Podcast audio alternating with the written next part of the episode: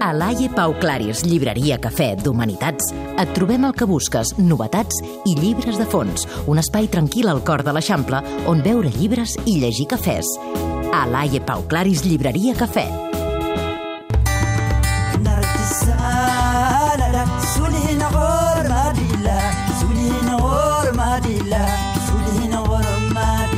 Els reis del blues del desert li diuen així. Estem parlant de Bombino, d'aquest músic de Níger, eh, Tuareg, que a més doncs, vindrà el 15 de maig al Cafè Teatre Escorxador de Lleida i amb aquesta excusa i amb aquesta música doncs, tenim ganes de rebre en Lluís Morral de la Laie. Què tal? Bona, Bona nit. Uh, per cert, que avui tu també vens molt africà. De fet, t'hem sí. posat la música per tu.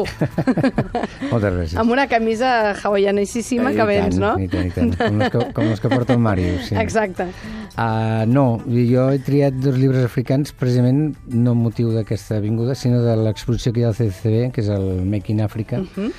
i que s'estan fent una sèrie d'aconteixements, conferències, cicles de cinema, de música, i també han passat dos autors per aquí, africans, i amb dues novel·les que són realment notables i que, que crec que val la pena contar-les. Doncs ara en parlarem, però d'entrada recordar doncs, que Making Africa és aquesta exposició que fan aquests dies al Centre de Cultura Contemporània de Barcelona i que ens explica que l'Àfrica no és tot allò que ens pensem i que hi ha un món del disseny i dels artistes sí, i d'un sí. món que desconeixem moltíssim.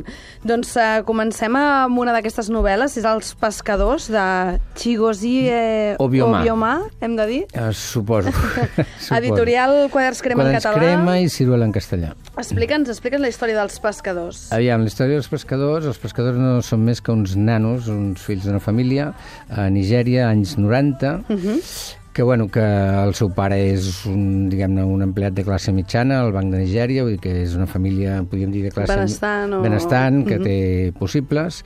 Els nanos, però, s'enfronten cada dia doncs, amb el que és la vida quotidiana allà dels nanos africans. Vull dir, viure al carrer, anar a pescar al riu, fer les mil i una, etc etc. I Això que ja no fem nosaltres, que Exacte, ens hem oblidat, el que nosaltres no, fèiem mica? cap als 70, principis 50, dels 70, 60, 60, no? sí, que ara ja és impossible. Uh -huh.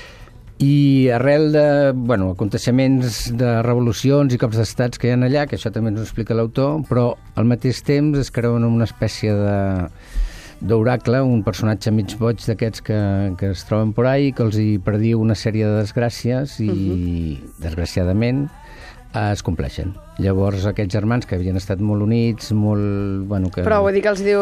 No, no volem no, no volem no spoilers, però, spoilers, però, bueno, els però que els hi comença a explicar coses que els hi passaran en un futur breu a, o en un futur llunyà? En un futur breu. I uh -huh. llavors aquestes coses, per lo que sigui, es comencen a, a complir eh, explicat per l'autor et deixa veure que en realitat les desgràcies venen una mica influ... no tant per fets estranys, sinó per la influència de les paraules d'aquest senyor. Uh mhm. -huh. Però bueno, això... Allò que pot... diuen que les paraules creen realitats, no? Exacte. Doncs aquí a l'extrem. Sí, just, just, sí, sí, sí. Tot això doncs, es converteix en realitat, la família es, bueno, passa una sèrie de desgràcies i és la relació aquesta entre els nanos, els pares que també mm, sofreixen o pateixen pateixen aquesta espècie de, de maledicció i és una mica això, la, la vida quotidiana d'una Nigèria convulsionada per les revolucions cops d'estat, però al mateix temps barrejada amb, amb aquesta espècie de... Mm no sé, com es deia... Maledicció, no? Una Maledicció, mica, o... no, però anava a dir comparar-ho una mica amb el realisme màgic de, de, de les novel·les sud-americanes. O sigui, uh -huh. hi ha una sèrie de coses que no són realitat, sinó que transcendeixen una mica la realitat i és una novel·la molt ben escrita, maca, a pesar de... Home, jo ja ho sabeu que en Quaders Crema és una d'aquelles editorials que ens agraden moltíssim, però és que a més quan ells trien coses, sí, senyal que hi hem vist és, alguna cosa, no? És, són garantia. Sí, Vull dir que sí, sí. ens agrada molt uh, aquest Quaders Crema i també la podeu trobar a Ciruela, per cert, que repetim el nom, que pot ser que no ens en recordem, eh? Jo tampoc me'n recordaria ara. No. Chigozie Obioma. Obioma. I el llibre es diu Els, els pescadors. pescadors. Això és més fàcil. Sí. Com un restaurant de, Barcel sí. de Barcelona del Poble Nou, no? Exacte, de fet. Els pescadors. Escolta, sí, convida'm un dia, Lluís, allà, que és econòmic. El dia que... Sí, exacte. El dia que vulguis. doncs anem a posar una altra música de Bombino, aquest home que aviat vindrà a Lleida, al Cafè Teatre Escorxador, un home que ens encanta i que justament és del mateix país, eh, del senyor Obiomà, d'aquest escriptor, que ara per això el llegia aquí, que ara és professor a la Universitat de Literatura a Nebraska, eh? Vull dir, ha marxat sí, sí, una mica sí, lluny, sí, ha marxat una fet... mica lluny. Sí, sí. Doncs anem a parlar d'un altre escriptor i que es diu Mia Couto.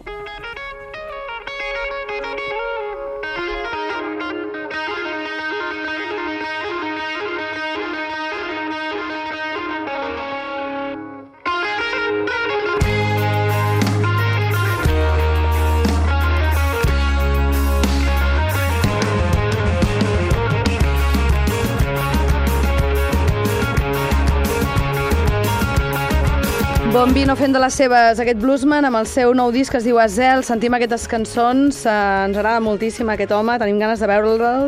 Eh, les coses són les festes de Lleida i aquest concert l'organitza la gent de Gersen, aquesta discogràfica de la, vaja, de, de Lleida. Eh, anem a parlar d'aquesta novel·la també que també t'ha agradat molt, que és La confessió de la lleona. Mm -hmm. I l'autor... Mia Couto, que és un personatge nascut a Moçambic, però d'ascendència blanca, o sigui, no és que sigui... És, és africà de naixença, uh -huh. però vull dir que és, és dels portuguesos que, que estaven allà a Moçambic durant la, quan era una colònia. Ella fa anys que escriu, és molt, escriu en portuguès, està molt ben considerat a Portugal, aquí s'han traduït bastantes novel·les He seves. He vist que és el més venut, de fet, a, a, en portuguès, a Moçambic. No sé, ho he llegit, eh? No sé pot si... ser, pot ser. Que es veu que, sí, que sí, ho, que ho ven és, tot, aquest senyor. Sí, sí, és un, és un personatge, un escriptor prestigiós i, i que se'l té bastant en compte. Per cert, editorial Periscopi en català, Alfaguara en castellà, eh? La confessió de la, la Leona és... La confessió de la Leona, la confessió de la Leona. Val. I és, aviam, eh, ve a ser una mica el mateix, o sigui, aquí no ens pinta guerres, Moçambic ja ha passat la guerra d'independència, si es pot dir així, les guerres de guerrilles, i en un poble perdut de, de Moçambic apareix doncs, un, un, no diré tribu perquè no són tribus, però una colla de, de lleons que es comencen a, a atacar... Com una manada, Com o- una manada, com un ramat, o no, no sé, o, bueno, una família de lleons que Sí? comencen a terroritzar un poble perdut d'aquests que, que, que no tenen pràcticament res i comença a matar les dones que hi ha per allà. Dones només? Sí. Mira, eh, fixa't. Curiós. Sempre ens toca el rebre, sí. tu. Arrel de la visita, bueno, el, una empresa que està fent prospeccions per allà, doncs contracta un caçador blanc, uh -huh. el típic caçador blanc amb, no diríem Salakov, però quasi quasi, amb els fusells de plegat, que es trasllada allà per, per eliminar, eliminar aquest perill. No explicaré res més perquè seria explicar una mica la història, però bueno, és la relació del, del caçador que arriba al poble, un poble perdut per allà, té relació amb una família, que des- Té un antic amant, ell es Efectivament, eh, resulta que el caçador havia passat per allà per matar un cocodril, ja feia molts, molts i molts anys, havia tingut un amant, l'amant la torna, es torna a Aquí hi retrobar. ha lleons, però també hi ha bacallà eh? Sí, amorós, sí. podríem dir.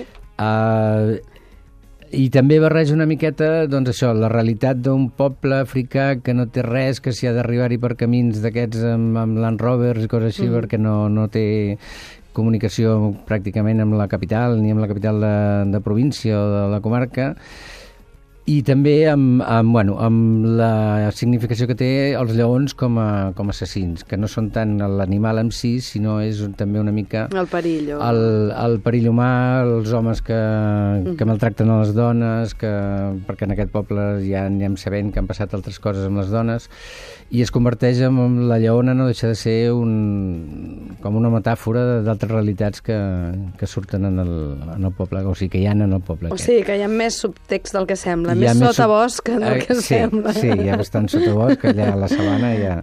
Doncs, Uh, és, és maco i jo crec que val la pena llegir-se. endinsar-se aquí Sí, a Moçambic. Uh, per cert, recordem el nom, La confessió de la lleona, Mia Couto, Mia Couto, Periscopi i Alfaguara. Peri- eh, efectivament. I, clar, jo sempre pregunto, ja saps que aquí al programa no fem allò de les estrelles, fem truites en aquest programa. De 0 a 5, que no ho hem dit abans. No, jo faria El primer llibre, Els pescadors, quatre per les quatre dues, cadascú? sí, sí, Molt bé, no? sí, Molt sí, repartidet, sí. això. No, no repartidet, no. Equilibrat.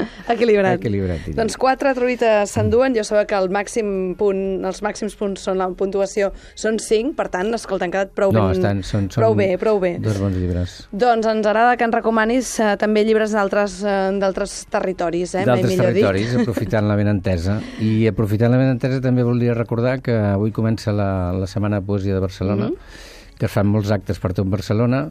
A un dels centres on potser es fan coses cada dia és la, el pati de la Fundació Marès, que és un lloc que val la pena apropar-s'hi, perquè a més de que és molt maco, doncs ara que fa una bona temperatura s'hi estarà molt bé però que tota la setmana hi ha actes de poesia, presentacions, lectures... I a la Laia feu, feu coses? Nosaltres la farem post-setmana. Post-setmana. Post-setmana ja farem alguna presentació de poesia. Per cert que el 9, ja us podeu apuntar, oients, el 9 de juny, ens estem així tirant el moc una mica. Sí, Eh, tant. fem una altra festa a la Laia, perquè no parem de perpetrar, i ens encanta tornar a la llibreria del carrer Pau Claris. I nosaltres 85? encantats de tenir-vos 85? allà. 85? Pau Claris, 85. Dic, ara hi va cada dia i no se'n recordarà. No, tu. ja no sé ni el número. Moltíssimes gràcies, Lluís Morral. A vosaltres, Merci. bona nit. Adéu. Bona nit. Així, què em recomanes? Mira, jo crec que t'hi has de llançar i provar alguna cosa nova. Posa una mica de passió a la teva vida. Fes un viatge, viu una aventura. Va, vinga, fem un cafè? A Laia Pau Claris, llibreria Cafè, hi trobaràs totes les històries que busques.